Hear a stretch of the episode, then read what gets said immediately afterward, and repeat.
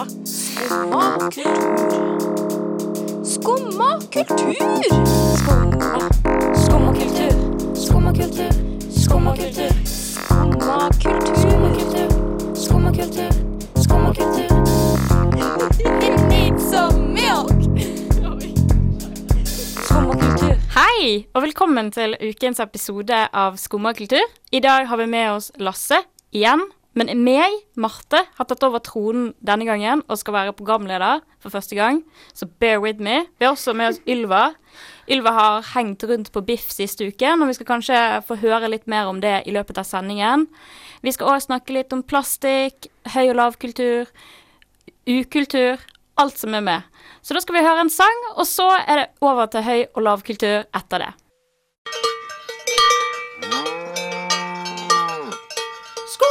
Skumma, skumma, skumma, skumma, skumma, skumma kultur.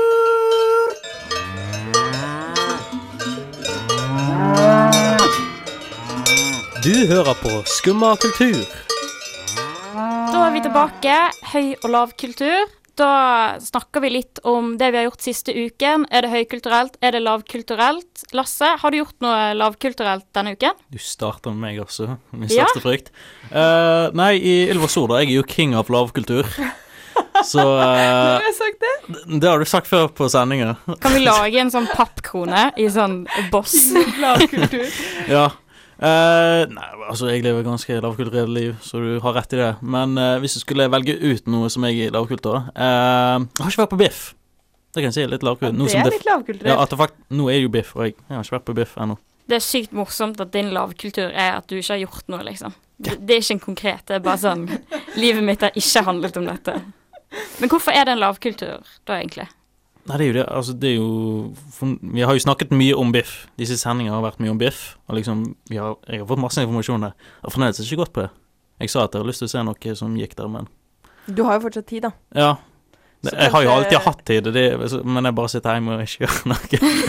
så Tiden er evig, motivasjonen er lav. ja. Ja, Ylva, hva har du gjort med lavkultur denne uken? Er det noe? Ja, ja, det er noe. Jeg klarer Jeg glemmer det av og til, for jeg har så mange høykulturelle øyeblikk, tydeligvis. Men, eh, men eh, denne uka så har det jo som sagt vært mye biff. Endte med at jeg glemte å gå på butikken, eh, og jeg og kjæresten min ble sittende søndag kveld og spise et litt gammelt kneippbrød med barbecue-saus og ost på til middag. Jeg vet ikke hva jeg skal si. det er vel det. Altså, Det er jo også Altså, studenttilværelsen, så det er jo litt sånn det er, men uh, men altså, du hadde ikke penger til å gå på en kiosk eller en kebabsjappe eller noe i det hele tatt. Men det er jo rett før stipend òg. Jeg har ennå ikke fått stipend. Det er fortsatt litt brosjyre det med barbecue-saus. Nei, ja, så da, da følte jeg at jeg traff litt bånd. Men uh, det var godt. Hvis noen er i nød en Det gang det som er, har det som er det eh, viktigste. Mm, At du det var ikke- veldig lite ost også, fordi Det var, så det var bare en skjeve En tørr skive med barbecue-saus på. Ja. Det er litt morsomt at du skulle si brød, for det min lavkultur handler også om brød. Ja. Og det er jo på en måte en bedre måte å spise gammelt brød på da, enn det du gjorde. Jeg eh, gikk eh, til røttene av hvordan det er å være fattig, og så hadde jeg et helt tørt brød. Jeg hadde kjøpt et skikkelig godt brød på Rema 1000, og så reiste jeg vekk en uke, og så ble det hardt. Så da lagde jeg brødpudding, fordi jeg er en gammel dame. Og det er dritgodt. Er Brødpudding? Hva er brødpudding? Det er liksom brødpudding det er? er melk, egg, sukker og brød i ovnen. Så det er basically french toast, men som en kake. What? Og det var det du skulle gjort på søndag. Du skulle sendt meg oppskrift. Var det din lavkultur, sa du? At du lagde Ja, brødpudding? det er litt Ja, for det hørtes- fattigmannskost, da. Du, du bestiller ikke takeaway eller noe sånt, du bare bruker det du har. Og det er jo baking på et veldig lavt nivå. Du trenger jo ikke bakepulver eller gjær. Du trenger liksom bare tre ting, putte det i ovnen, vente litt, liksom. Men jeg, jeg føler det ser kanskje ikke så godt, godt ut. Teksturen er ganske rar. Du forventer pudding, og så er det sånn våt brød, på en måte. Ja, for det er det vått brød tror jeg er noe av det litt ekleste jeg vet. Ja, men det tror jeg var feilen min, for jeg lagde det før, men denne gangen så kuttet jeg i veldig små terninger, så det ble litt sånn grøtete. Litt sånn havregrøtaktig. Det var fortsatt veldig godt, men jeg måtte steike det mye lenger, så det, det forsvant litt puddingkonseptet. Så du gjorde om lavkulturen din til en høykultur, egentlig? Mm, Det tørre altså, brødet ble til eh, sukkerfylt eh, bake... ikke bakevare. Ja, nei, det var ikke sukkerfritt, da. Det var masse sukker. Ja, det er brødpudding. Du bare hiver fullt av sukker på. Men ja, hvis det nesten er min høykultur, da, eh, så skal vi se på hva dere andre i hvert fall har som høykultur. Ylva, vil du begynne? Ja, men da tenkte jeg jo Altså, det er jo samme med deg, Lasse. Gøy at du sier at biff er lavkultur. For jeg tenkte Jeg så eh, Jeg har jo sett masse gøy film. Eh, og hvis jeg skal liksom tenke hvem av dem som er mest høykulturelle, så var jeg litt sånn Jeg så nettopp en film som heter 'Mine Rembrandt, som handler om kunstneren Rembrandt og bildene hans. Og da var jeg litt sånn Dere har alltid liksom blitt sånn What?! hver gang jeg har sagt at jeg har vært på kunstutstilling. Så da tenkte jeg når man ser en film om en kjempegammel død kunstner som eh, blir anerkjent, kanskje det er litt høykulturelt? Jeg vet ikke. Ja, det er jo et navn som får liksom de høykulturelle bjellene til å ringe litt. Ja, Du vet ikke helt hva han har lagd, eller hva det er for noe, men det er sånn Å ja, Rembrandt, ja. Han er veldig kjent for lyset sitt. ja. Så du har sikkert hørt om Rembrandt-lys. Det ja. Nå skal ikke jeg nerde på det, for det er egentlig ikke noe jeg kan masse om. Jeg kan liksom, liksom få det til å høres ut som at jeg er veldig høykulturell. Ja, det er, alltid gøy å høre dere to ved siden av hverandre, for du er jo den eh, høykulturelle dronningen, og Lasse er den lavkulturelle kongen.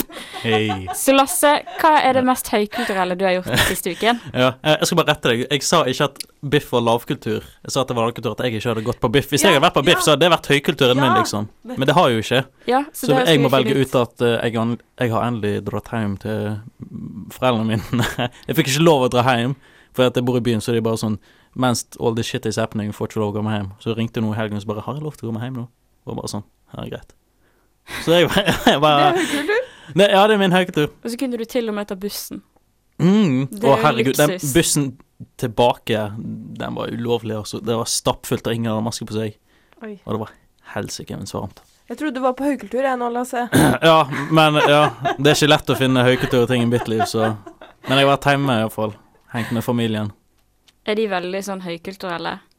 Nei, eller kanskje mamma. Det er hun som drar opp hele opplevelsen. Ja, mamma. Ja. eh, det, mest, det mest høykulturelle jeg har gjort siste uken, er at jeg var på Lerøy. Og det er en veldig dyr butikk med eksklusive råvarer. Og så så jeg sykt mye øl. Og det er jo masse øl der, men du trenger ikke kjøpe alle. Men det var det jeg følte at jeg gjorde. Jeg kjøpte sånn seks stykk sånn dyre, skikkelig håndverksøl. Og så tenkte jeg det skal jeg ha i kjøleskapet, og så skal jeg kose meg når jeg kommer hjem fra studiet sånn hver dag. For det hvis du drikker én øl, så er det ikke noe farlig. Men det var jo på en fredag, så alle de Alle forsvant på en, en gang. De røyk i en og samme slengen, så da satt jeg liksom på en fyll som kostet altfor mye penger. Og liksom, du burde ikke drikke mer enn én sånn øl av gangen, fordi de er så dyr, og smaksløkene dine blir jo dårligere. Mm. Så du får ikke like mye ut av det, egentlig. Nei, du er bare bortkastede penger. Men da var det jo like greit at du spiste ølbrød, da. Så hadde du råd til uh, Lerøy-fyll. Ja, ikke sant? OK, da skal vi høre en sang, og så skal vi gå videre til uh, TV-aksjonen i neste stikk.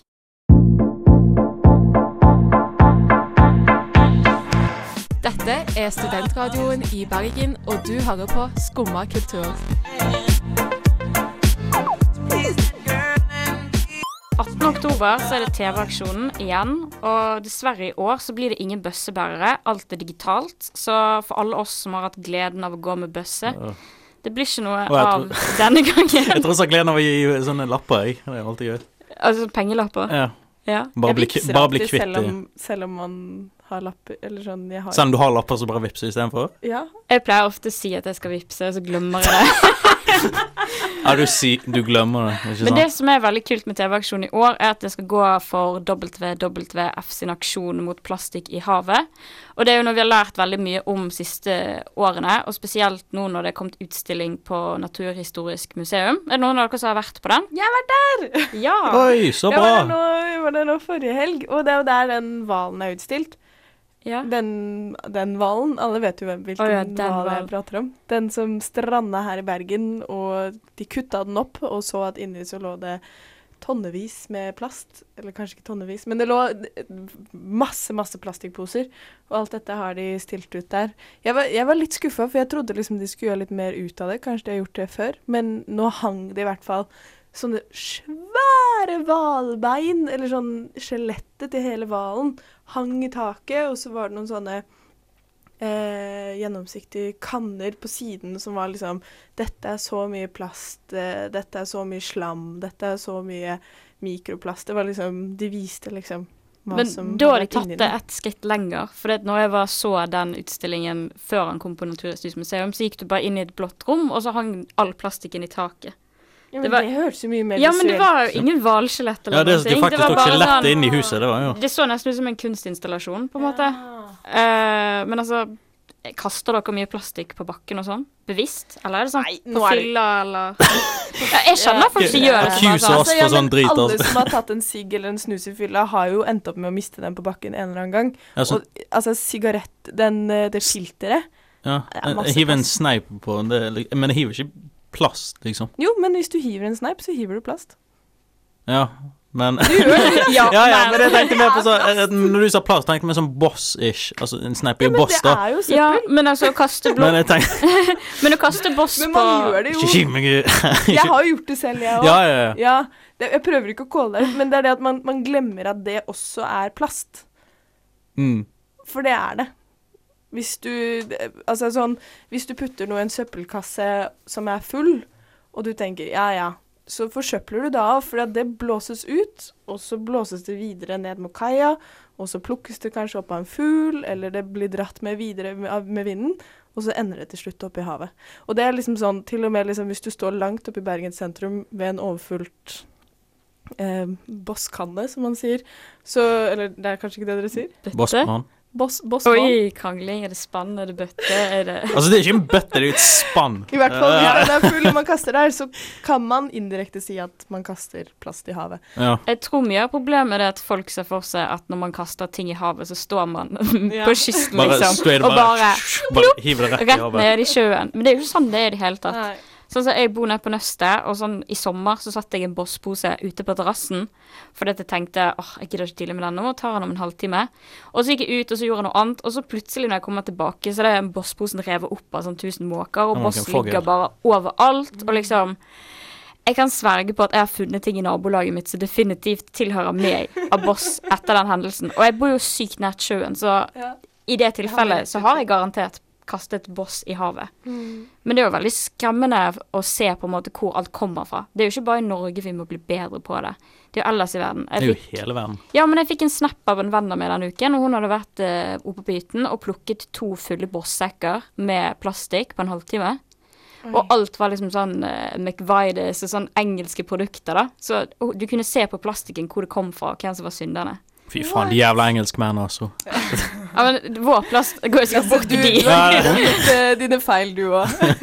Ja, nei, altså, det er jo hele Hele verdens nasjon eh, Verdens nasjon Verdens folk som gjør dette her, da. Men det, det, er- det er et stort, ja. det, er, Det er et stort problem. mye man må endre. Og så er det jo helt sjukt, fordi plast er jo noe man Altså sånn, vi nå sitter jo på plaststoler.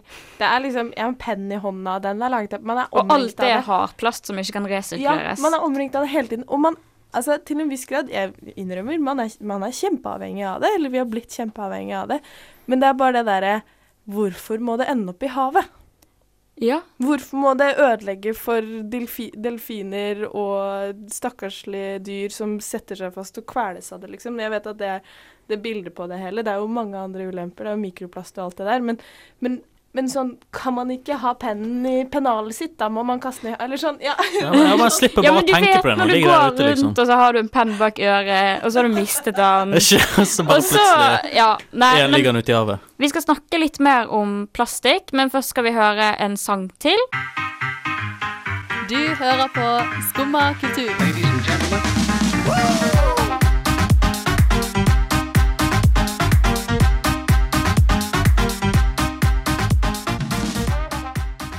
Snakket litt om plastikk i sted, og i det siste så er man omgitt av enda mer plastikk enn vanlig. De siste årene så har vi blitt mer obs på plastikk og hvor kjipt det er, men så plutselig kom korona. Alle går rundt med munnbind i lommene sine. Hansker altså, på hendene. Hansker på hendene. Altså, Alt det- er engangs nå. ja. Man har jo Ja. gått fra å være sånn det er tabu å drikke av engangskopper. Nå er det jo sånn kafeer som har inneservering, gir deg engangskopper. ja. Fordi de er sånn Dette begrenser smitte av en eller annen grunn. Jeg vet ikke, Når man vasker noe på 90 grader, så er det jo rent. Ja, men det, jeg skjønner veldig godt hvorfor de gjør det. Sånn som der jeg jobber, så må vi gi ut hver enkelt skei. For hvis alle tar på samme kopp liksom med skeier, så blir det en smittefare. Mm. Så det jeg har sett f.eks. på Meny i salatbaren, at de har pakket inn sånn en gaffel, en serviett, i plastikk, sånn at du ikke skal ta på andre sine produkter. Og NRK kjørte jo en sak om alle disse engangsproduktene, og spesielt munnbind, nå siste uken. Fordi at eh, i T-banesystemet i Oslo så må du bruke munnbind på alt kollektiv. Og bossbåndene blir veldig fort fulle. Så folk kaster det inn i bossbåndet, utenfor bossbåndet, rett ned på bakken, og Det ender opp i Mm. havet. Nei. Men det er jo ikke bra. Nei. Og man, altså sånn, og, men så klart, når det kommer noe så akutt eh, og Altså, vi har brukt lang tid på å jobbe mot dette plastforbruket, og så skjer det noe så akutt. Det er litt vanskelig å liksom opprettholde gode rutiner, men det er jo nesten som man burde liksom Jeg vet ikke, jeg har skjønt det alvoret nå. Det er som om med en gang det skjer noe eh, kjipt, så gir man opp litt. Ja. Ja, det er liksom Hvilken prioritet har de nå? Er det miljø, eller er det mennesker, på en måte? Det er det som Nå er det jo nå er det mennesker. mennesker. Ja, ja, men liksom, nå er liksom Det er ikke så mye fokus på det. Nå er det bare at, at holde folk At de ikke skal bli smittet og sånt. ja. Derfor har man sånn engangs og fylle bossbom på hver eneste sånn bybanestopp og sånt. Men jeg har sett en dame stå, gå av bussen, ta av seg munnbindet, og så bare knipset hun det vekk. Og jeg tørde ikke si noe. Nei, men det Som jævla Ja, men hva, hva skal man si da? Jeg ble så sjokkert. Ja. Og dette var, dette var ikke i sentrum engang, det var ute i Åsane, sånn langt i gokk. Og jeg vet ikke hvordan kulturen er i Åsane. Jeg vet ikke hvordan jeg skal snakke med de der. Men i hvert fall, Lasse, du sa jo at uh, på en måte korona har mer med mennesker å gjøre enn gjerne klima, sånn som vi ser det nå. Og jeg så jo nettopp uh, David Attenberg sin nye film på Netflix. Wow. Wow, ikke sant? Høykultur. Det kultur. det var ikke på Biff, dessverre. Men det var en sykt bra film, og kanskje den siste filmen hans. Han er jo 93 nå. Jo, Ikke si sånt. Du kan ikke Ja, men- jinxe med å si Han, sånt. han Han sier det alltid. Han sier det sjøl i filmen. Han og kongen.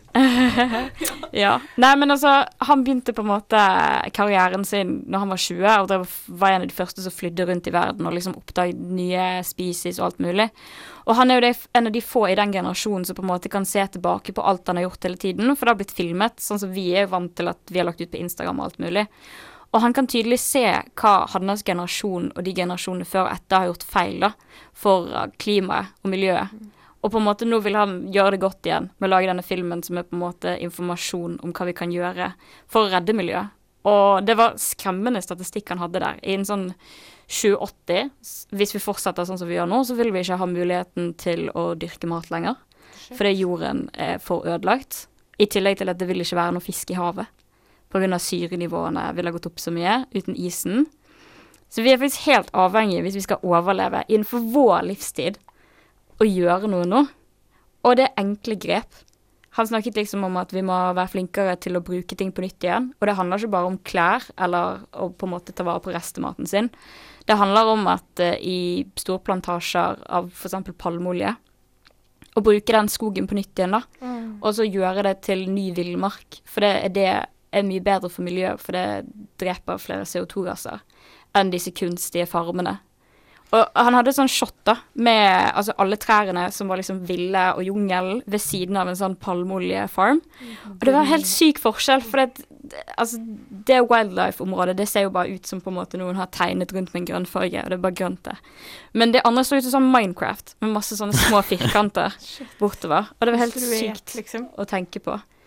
Og så snakket han litt om at man må slutte å spise kjøtt og alt sånt som det. Så det er jo gjerne ting som vi kan gjøre, men altså Vi må være flinkere til å påvirke politikerne våre og forbrukervanene våre også. Det er vanskelig å, det er vanskelig å ikke bli politisk eh, med sånne dokumentarer, fordi jeg selv har Eller sånn Mann som barn har jo ofte liksom prøvd å si til foreldrene sine sånn Du må sortere riktig, og ikke kast plasten der, og eh, Man vil hele tiden sånn prøve å spise vegetarisk, og liksom Vi unge er jo vokst opp med å gjøre disse tiltakene. Men samtidig så blir jeg så sur, og det, jeg skal ikke være politisk, men jeg blir det. Og det er fordi det er ikke nødvendigvis bare vårt ansvar. Man skal ikke si til barn det er ditt ansvar å redde verden. Det er de politikerne som sitter der oppe og har makt, og som faen ikke Ja. Ja, ja. altså, Man blir jo helt sånn Eh, og altså, man gjør jo ting også, men det er jo som David Attenborough sier, eller som du sier nå også, Marte, at Uten at det blir dramatisk, men man har litt dårlig tid. Man må begynne å skjerpe seg litt. Og det er nettopp det som er egentlig ganske interessant med den koronasituasjonen vi er i. Fordi med en gang noe annet skjer, med en gang man liksom slapper av litt fordi ah, nå er det så kjipt, nå er det vanskelig, liksom, da driter man i miljøet.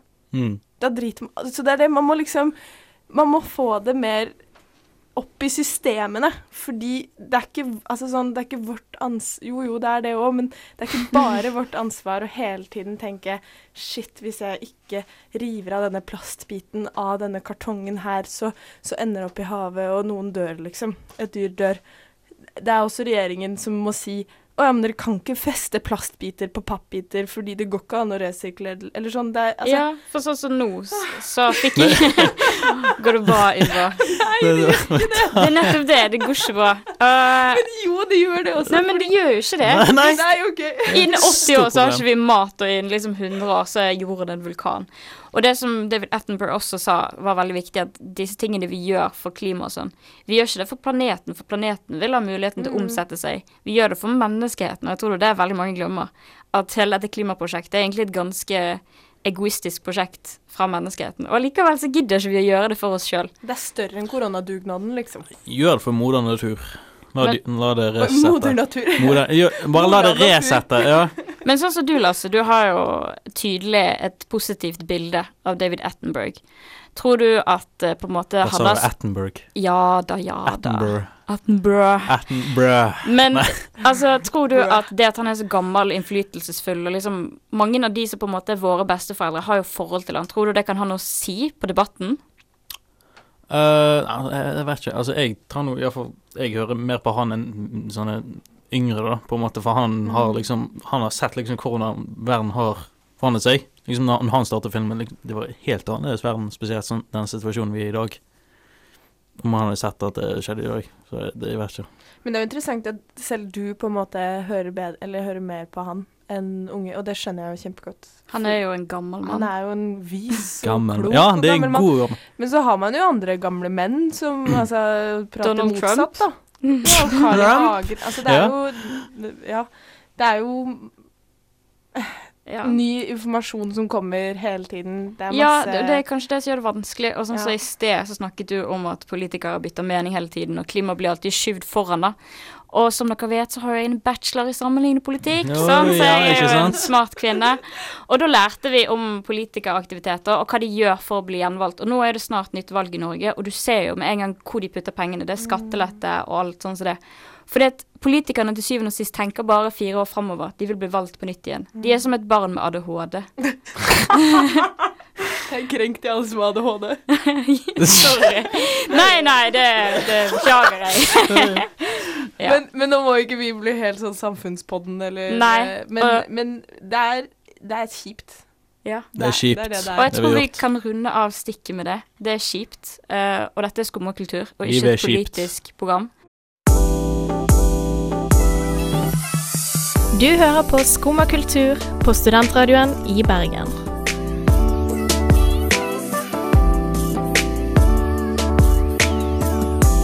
TV-aksjonen, veldig viktig å eh, gi penger dit. Eh, viktig sak. Eh, det har vi snakka om tidligere. Men det er jo ikke bare plastikk i havet som er et problem. Det er jo, som du nevnte, Marte, at man spiser kjøtt. Man uh, gjør ikke de riktige politiske valgene. Uh, og det eller filmer om det kan man se på Biff. Uh, du kan til og med se dokumentaren til kjente Greta Thunberg, som reiser over Atlanteren med en seilbåt. Senere i sendingen skal jeg intervjue Meet the Censors, som eh, har lagd dokumentar om sensur. Eh, kjempeinteressant. Men før det så skal vi prate om eh, ukas ukultur. Hva er det som irriterer oss aller mest denne uka her? Det er jo vanskelig, som alltid. For det er så mye å ta tak i. Uh, og ukens ukultur prøver vi å holde litt sånn samfunnsrelatert, og hva som skjer rundt oss akkurat nå, det er jo biff. Og altså meg og deg har i hvert fall vært innom biff. Du mye, jeg lite, Lasse ingenting. Men altså, vi har jo alle de der kinoopplevelsene med de som spiser godteri som bråker mye. Glemmer å skru av telefonen. Ja. Ja, de det er- telefonfolkene folk som snakker, de er det verste. Men jeg var en sånn person denne uken. Du, Å, oh, nei. du satt på Jeg hadde med Fordi jeg skulle være litt sånn billig, fattig student. Så jeg tok med meg min flaske med SodaStream-vann, som jeg ikke hadde åpnet før jeg kom. Så timet jeg, for jeg visste at det skulle bråke mye, så knipset de i filmen, og så åpnet jeg den. Du la til en til effekt! Ja. Så liksom, folk trodde det var en del av filmen. da. Folk var sånn Wow, hva som skjer nå? Men så var det bare mitt boblevann. Ja. Oh. Men det er jo bedre det enn liksom I stedet for bare noen hiver opp telefonen og begynner en jævla samtale for mens Det opplevde jeg i dag! Ja, Det var en fyr som fy faen. ikke bare Telefonen ringte ikke bare med fullt volum, og den blinka ikke bare med sånn eh, flashlight, sånn som man har når man ikke hører telefonen. Han svarte også! Man kan ikke, man kan ikke Nei, nei, man kan- nei, man kan ikke. Ta telefonen og si «Eh, 'Jeg sitter og ser på kino nå', eller 'Jeg er på kino, kan jeg ringe deg tilbake senere?' Men fikk du et inntrykk av hvem som ringte? Var det viktig, liksom? Var det Haukeland som var sånn Øh, du holder på til å dø. Eller, eller var det liksom bare sånn Ja, for jeg skjønner hvis man må ta sånne telefoner. Nei, jeg tror det var en selger. Jeg tror det var, Eller det hørtes ut som en sånn veldig sånn person som var sånn Ja, hallo, bla, bla, bla. For man hørte jo det òg, for han hadde såpass høyt uh, lydvolum på. Og så ringte jo han så klart opp igjen. Sånn som han sa at han skulle Eller eh, ble bedt om å gjøre. eh, litt senere. Det betyr, det betyr egentlig, Når du sier sånt, så betyr det òg sånn der, ikke ring meg igjen. Det er bare sånn Å, Ja. ring meg senere. Bare, men heldigvis lå han på og ikke var sånn Ja, men det høres veldig interessant ut. Kan du fortelle meg litt mer om det? Sånn spørreundersøkelse om Ja. eh, liksom Sitter og tar ja av deg på den. Ja. Nei, men altså, det er jo en slags etisk vurdering, da, Ja. når du sitter der. Hva er mest greit? Er det å ta telefonen og på en måte være slem mot den personen og bare legge på, eller er det å sitte i en kinosal og snakke i telefonen? Man skrur av telefonen, jeg skjønner ikke. Det er ikke noe enten eller. Man må skru av telefonen. Skulle ikke vært etisk helt, det skulle vært en lov, liksom. Hvis du har kommer med mobilen din og den begynner å lage lyd, kom deg ut. Det er jo ganske tydelig, da. Det er jo sånne skilt Ja, altså, det er bare sånn Å, kan du være så snill å skru den av? Ja. Selv om det er noen det. av de som også er sånn Skru av telefonen din, da! Ja. Det er noe, og de, de liker man litt, samtidig som de er litt vel strenge. Du håper liksom at de sitter litt langt bak, ikke rett ved siden av deg. Du er Ja. sånn woho, men samtidig Det, det, er den- det er den du tok med deg på kino, vet du. Men jeg satt, jeg satt ved siden av en på kino en gang, som satt Og så hadde hun på sånn svart filter på Instagram, sånn nattmodus. Ja. Og så bare trodde hun at det var greit å bla nedover Instagram hele filmen. Og jeg har betalt Dette var ikke biff, jeg hadde betalt sånn 140 kroner for å gå på kino, så bare så jeg noen som bladde nedover Instagram. Men hun betalte samme pris når hun bare satt på mobilen hele tiden. Ja, men det er Men det- liksom det er Hun har tatt problem, et valg. Jeg Ja, tok det ikke det valget. Nei, Du fikk ikke være men du på hadde et valg med å ta mobilen hennes og bare hive den tvers over salen. Eh, Alle hadde sikkert fått applaus for det òg, liksom.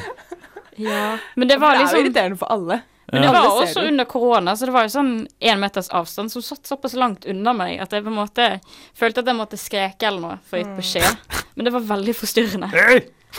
Men jeg var første gang eh, nå, fordi Biff har jo litt sånn ekstraordinære visninger, så var jeg på en eh, premierefilm som heter Nomadland. Og da Veldig ubehagelig opplevelse, men skjønner hvorfor. Da satt det en Securitas-vakt eh, ved lerretet eh, og fulgte med på at ingen var på telefonen. Og da, da Det var veldig rart å ha noen som så på deg og passa på deg. At du ikke var på telefonen, for da ble jeg sånn, dere vet sånn når man kjører forbi politiet, så blir man sånn Har jeg på meg sikkerhetsbelte nå? Så var jeg sånn Har jeg husket å skru av telefonen? Eh, Han sto med lerretet. Liksom, Ja, ja. Han skulle jo stått bak, for det lettere å se at folk ja, sitter Istedenfor at liksom, du, du, du er fokusert på filmen, så bare ser du litt på siden, og så står det mannen bare åh, ser ned på folk og bare sånn Åh, hvem er det? Tok han noen? Nei.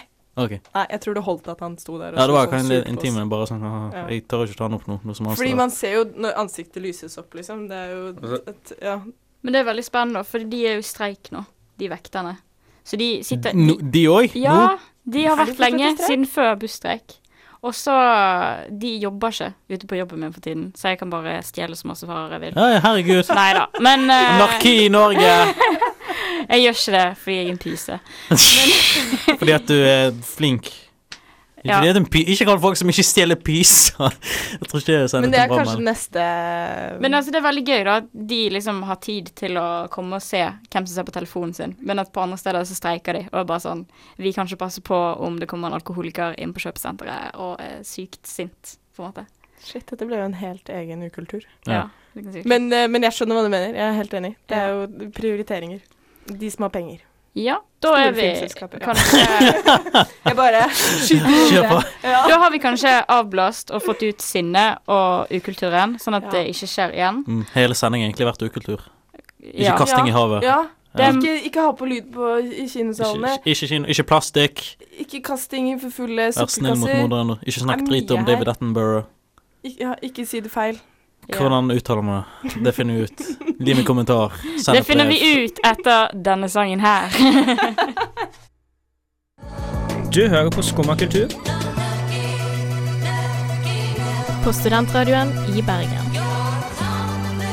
Da er du tilbake på Studentradioen. Vi har hørt en liten sang, og nå skal vi se, se litt nærmere på ukens anbefalinger. Som vi har fått med oss nå, med Biff, så er det faktisk ting som skjer i Bergen igjen etter korona. Og Biff er heldigvis ikke det eneste. Denne måneden så begynner Ekko-festivalen. Ekko er jo en organisasjon som holder til på Østre og har masse DJ-sett og kunstinstallasjoner i løpet av året. Men nå er det en hel måned med bare Ekko-festivalen og alt det har å tilby. Er det noen som har hørt om det fra før av? Nei, Ikke men i det hele tatt. det høres jo Ikke i det hele tatt, eh, men det høres kjempekult ut. Ja, men Det det er jo noe bare vi, vi må prate mer om. ja, Er ikke et skomerke? Jo, men dette er med to er k-er. Så wow, hvi- ja. hvis du googler det, så må du skrive Ekko Bergen eller Ekko Østre Bergen. EKKO. For hvis ikke så kommer du inn på samfunnspodden til NRK, Ja, som også heter også Ekko. Ekko. Det skrives helt likt. ja. Men i hvert fall, jeg var på Ekko for ca. to år siden. Så masse kule folk. En finsk eh, musiker og en annen finsk musiker som spilte sammen. Veldig fett. Kanskje ikke like mange finner i år. Vi får se. Eh, det er flere norske folk med i år. Eh, Jenny Wahl blant en av de. Den er utsolgt, da, dessverre. Burde vært tidligere ute. Burde vært tidligere ute, men det er jo veldig vanskelig. Altså, Kapasiteten er jo mye lavere i år, så det er bare dritkult at de kommer til å faktisk ha det i år. Vill Vill Vest ble jo avlyst, og det er lenge siden vi har vært på konserter. Så det blir dritfett. Jeg oppfordrer alle til å gå, sjekke det ut. Det er mye forskjellig, og hvis ikke man liker teknisk musikk, så er det uansett dritinteressant. For to år siden så så jeg en dame som spilte trommer på en lysende dildo. What?! Så det var liksom Ja, så det er er sånne type opplevelser du kan få hvis du går på Ekko. Jeg skal sjekke det ut. Nå, nå ble er jeg blitt intriga. Så det er absolutt verdt å sjekke ut. Så Nå- en ting til. Hm? En ting til. Det er hvordan man uttaler Ja, vi har helt glemt det. Ja, ikke sant? Eh, David Atten... Ja, jeg bare først. Hvordan sier folk det her rommet? David Attenborough. Du, David Attenberg. du sier Berg, jeg sier David Attenborough. Og her har vi det. Dette er Google Translator, så David Attenborough. Da hadde du rett, da. det, Ja. Hvordan føles det? He is the bro. Uh, nei, jeg har jo alt rett, så det er ikke noe annerledes her. Men ja. Videre i sendingen nå så skal vi høre litt mer fra Ylva, som har vært på Biff de siste ukene. Sett masse film, hengt mye rundt, snakket med kule folk. Hun har gjort uh, flere reportasjer der hun har snakket med viktige folk innenfor film og sett film. Føler jeg du smører på, men det er jo det man gjør med biff, så Ja. Du hører på studentradioen i Bergen. Bergens eneste FM-radio.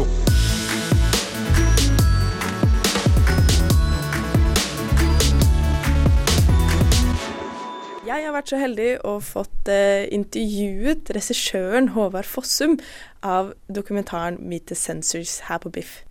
Den eh, kommer til å bli tilgjengelig på streamingtjenester etter hvert, etter at den har eh, reist litt rundt. Og jeg anbefaler at uh, man sjekker den ut. Uh, jeg likte den veldig godt, til tross for at uh, det var noe vanskelig engelsk og litt vanskelig språk, så tar den opp et kjempeviktig problem. Etter at vi hadde sett filmen, så møtte jeg Fossum. Vi satte oss ned i kinoentreen rett ovenfor godterikiosken. Jeg lurte på om du kanskje kunne starte med å fortelle hva dokumentaren handler om. Nå har jo jeg sett den, Mm. men uh, i korte trekk til de her på radioen. Ja.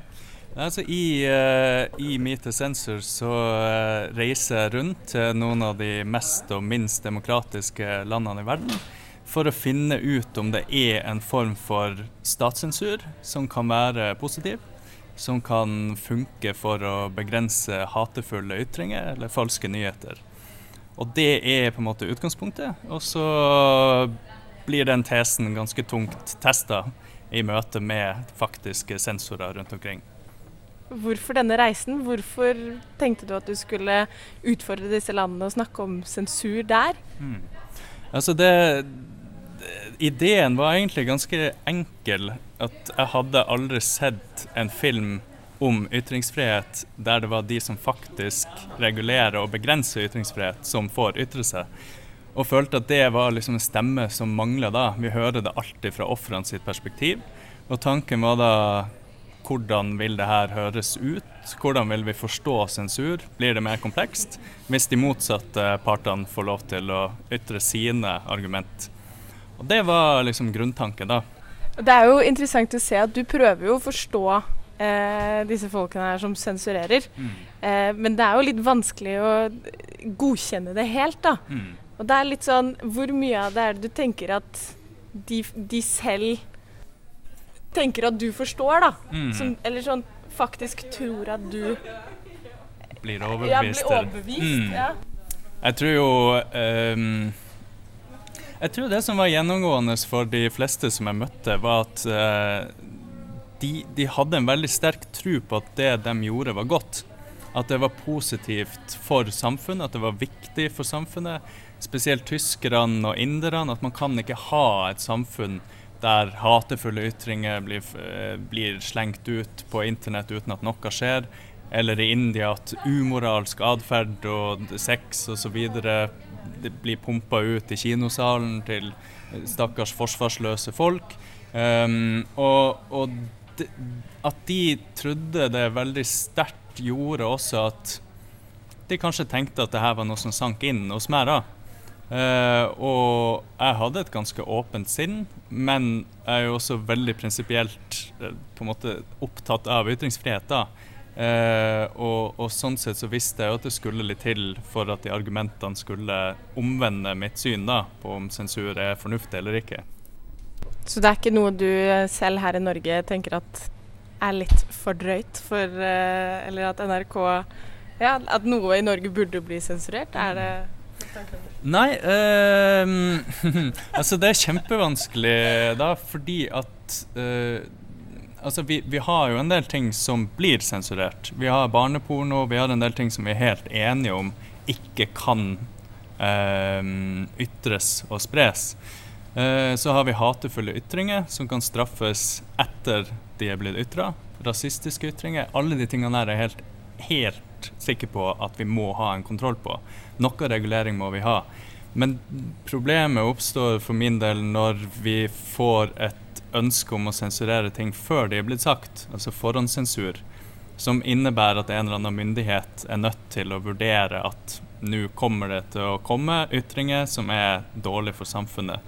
Og den makta til å sensurere, nekte folk å demonstrere Iallfall i min erfaring med å reise rundt i verden, kan forferdelig fort snus til å sensurere de som vi syns er ålreit, da. Um, og den, den der veien vil ikke gå ned. Håvard Fossum er regissør og selv med i dokumentaren Meet the Sensors'. Tidligere har han jobbet som journalist og stillfotograf.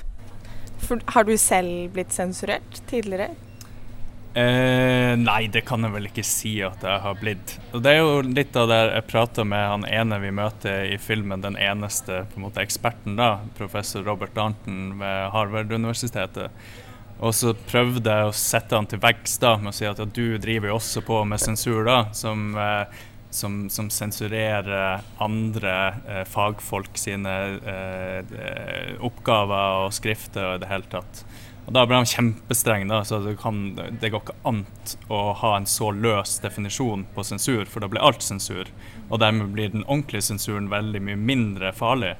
Um, og det tror jeg er ganske sånn viktig. Det er ikke sensur hvis jeg ikke får et eller annet på trykk, eller NRK nekter å vise filmen min, eller Biff ringer og sier at uh, den forrige filmen min var altfor drøy høyreradikal propaganda fordi de ikke skjønte at det var en satire. Sånne ting kan man eh, liksom ikke bli veldig kan bli sint og frustrert av, men uh, det går ikke an å kalle det for sensur. Fossum sin dokumentar er kjempeinteressant. I hvert fall det jeg fikk med meg. Vanskeligheter med at den er på engelsk. Jeg skjønner, jeg skjønner. Og det er ikke sånn superlett engelsk heller. Nei. Og det prates kontinuerlig Ja. i 100 minutter. Ja. Jeg ser den. Det, det er Altså, det er en ganske tung film, da. Eh, det er sinnssykt pakka med informasjon. Og det er liksom sånn balanse hvis du vil lage Det her er en sånn Jeg ville lage en diskusjonsfilm, da. Både en diskusjon mellom meg og sensorene, og med seeren. Og det er så vanvittig vanskelig å skulle gi både de rom til å komme med faktiske argumenter, da. Eh, og balansere det mot når blir det bare umulig å følge med, eller man blir så trøtt at det går ikke an. Um, og det er liksom Jeg vet ikke hvordan vi traff til slutt. Vi lagde én versjon først som var altså så kompromissløs diskusjonsfilm som eh, overhodet mulig. da og hadde en testvisning eh, med ti personer der åtte satt og ropte høylytt i aggresjon over at de ikke klarte å følge med. Av ingen kontekst og ingenting, det var bare argumenter hele veien. Og jeg syns jo det var utrolig gøy i film, da. Men du hadde det, sett alt bak, da? Jeg, jeg skjønte jo all konteksten, men jeg syns jo det Jeg liker personlig veldig godt ting som ikke gir meg noen forklaring, men der jeg må finne ut av alt sjøl. Men det, det, skjønner jeg at blir voldsomt slitsomt da, for uh, normale folk. Um, og ungdom. Ja, og ungdom, ikke minst. Som det er viktig at får høre dette. Ja, helt klart. Og det er jo liksom tanken med, med denne filmen er jo nettopp at den skal nå ut til de som ikke allerede er ekstremt opptatt av ytringsfrihet. Men at den kan treffe folk som er litt usikre og kanskje føler det på kroppen at Shit, nå kommer den nordiske motstandsbevegelsen, nå kommer sidene. Skal vi virkelig tillate de her tingene? Um, og da var det liksom å finne den balansen der jeg ikke lager en ny kunstfilm for liksom spesielt interesserte, da. Men gjør det så tilgjengelig som jeg klarer, og også så lite aggressivt som jeg klarer. da. Og det er en uh, en utfordring for, eh, for meg, da, som syns ting er voldsomt gøy når det blir sarkastisk og ironisk og masse lag og metalag. Og komplisert, da. Jo mer komplisert, jo artigere. Um, så det er en sånn utprøving, da, og det er en sånn utprøving som jeg holder på med som filmskaper. Og de kommer litt nærmere metoden for hver nye film, da. Men de må gå litt fortere nå enn fem år. Og ting har jo bare blitt mye mer aktuelt, da etter vi starta med filmen. Det er enda drøyere i USA, det er enda drøyere i mange land. Viktor Urban har laga patriotlover i Ungarn som gjør at folk ikke kan ytre seg der. Høyesterett er kontrollert i, i Polen. Altså, det ble bare enda drøyere da, og virkeligheten overgikk liksom uansett hva vi kunne finne på i filmen. Så det er jo en, er en interessant del av det å bruke så lang tid. Det andre er jo at det får gått ekstremt grundig til verks. Um, og det syns jeg jo personlig var viktig, da. Um, men, men, det er jo kjempelenge, og det er jo veldig lenge for sånn familie som sitter hjemme og lurer på Ja, og kommer far hjem og ja.